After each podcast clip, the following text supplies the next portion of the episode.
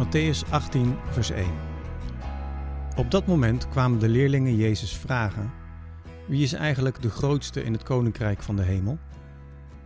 Hij riep een kind bij zich, zette het in hun midden neer en zei: Ik verzeker jullie, als je niet verandert en wordt als een kind, dan zul je het koninkrijk van de hemel zeker niet binnengaan. Wie zichzelf vernedert en wordt als dit kind, die is de grootste in het koninkrijk van de hemel. En wie in mijn naam één zo'n kind bij zich opneemt, neemt mij op. Wie een van de geringen die in mij geloven van de goede weg afbrengt, die kan maar beter met een molensteen om zijn nek in zee geworpen worden en in de diepte verdrinken. Wee de wereld met haar valstrikken. Het is onvermijdelijk dat er mensen ten val worden gebracht, maar wee de mens die de valstrik zet. Toen we nog een Fiat Multipla hadden, hadden we drie stoelen voorin in de auto. De beste plek dus voor de kinderen, voorin tussen mama en papa. Op vakanties en lange ritten moest er dus ook altijd afgesproken worden wie daar mocht zitten. En het is natuurlijk herkenbaar hè, dat je op de beste plek wil zitten. Het is een logische vraag die de discipelen stellen, want Jezus doet ongelofelijke dingen. Hij heeft contact met God zoals niemand dat heeft. En daar wil je bij zijn.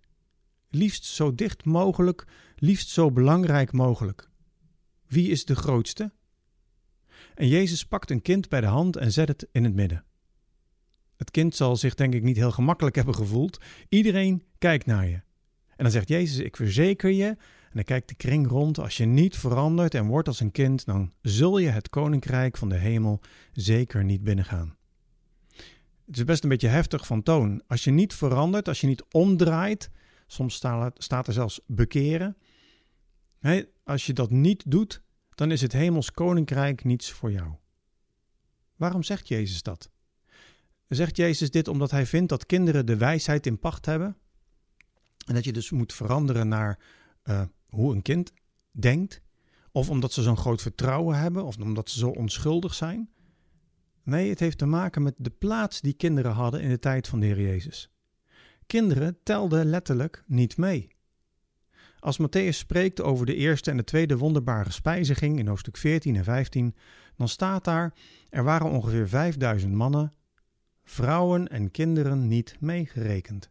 Letterlijk telden de kinderen niet mee. Ze werden niet geteld.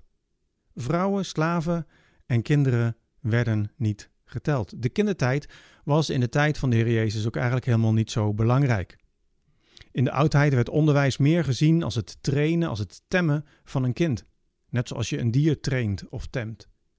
Je ziet dan ook vaak dat de liefde voor kinderen samenging met de tucht, die vaak bruut en heel gewelddadig was. Aandacht voor kinderen in het algemeen was er niet.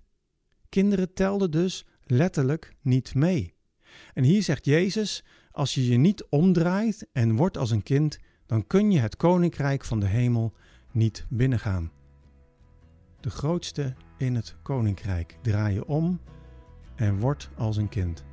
Wie zich vernedert als dit kind, die is de grootste.